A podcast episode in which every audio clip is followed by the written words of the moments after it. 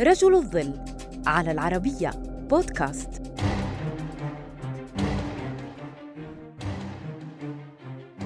هارولد كول هاري كول بول كول روك كورسر وغيرها الكثير.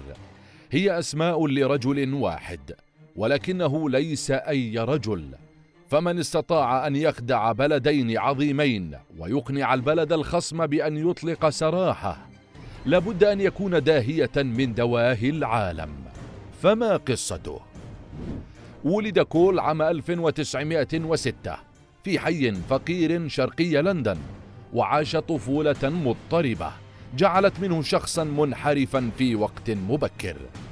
فعندما كان مراهقا مارس كول أعمال السطو والاختلاس وكذلك الاحتيال عن طريق الشيكات فألقي به مرارا في السجون البريطانية ولكنه بعد الإفراج عنه أراد الالتحاق بالجيش فكذب بشأن ماضيه الإجرامي وفي سبتمبر عام 1939 تم تجنيد كول وعين في وحدة الهندسة التي أرسلت لاحقا إلى فرنسا كجزء من قوة المشاة البريطانية التي خدمت إبان الحرب العالمية الثانية هناك.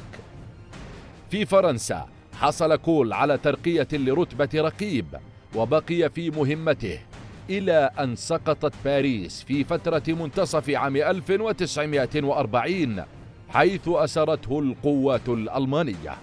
لم يستسلم كول للأسر وتمكن من الهروب والاختباء في ليل ثم مرسيليا وخلال تلك الفترة غير اسمه إلى بول كول وتعاون مع القوات الفرنسية لإنشاء وتشغيل ممرات آمنة للهروب.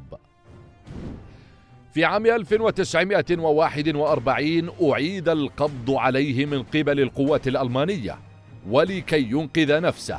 أقنع الألمان بتركه مقابل إرشادهم عن خطوط الهروب التي ساعد في تشكيلها وتسليمهم رجالا من القوات الفرنسية.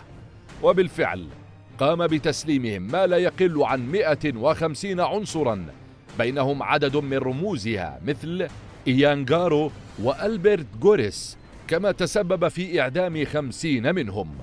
وصفه نائب قائد شرطة سكوتلاند يارد البريطانية ريغنالد سبونر آنذاك بأنه أسوأ خائن في الحرب وبات مطلوبا من قبل الحكومتين الفرنسية والبريطانية.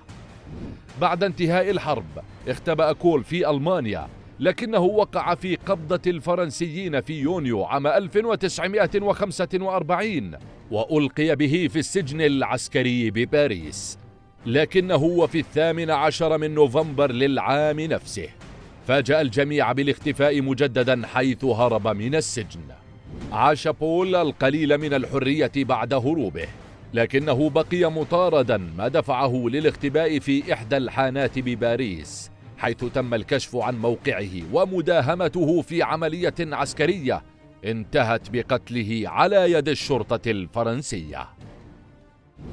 تم دفن بول لاحقا في قبر مهمش بباريس حيث دفنت معه الكثير من الأسرار التي من بينها اسمه الذي ربما لم يكن بول أو ربما لم تكن كنيته هارولد فهذا المخادع الكبير كان قد زور عددا كبيرا من الوثائق الثبوتية وبأسماء مختلفة جعلته رجلا مجهولا بعد مماته كما كان في حياته.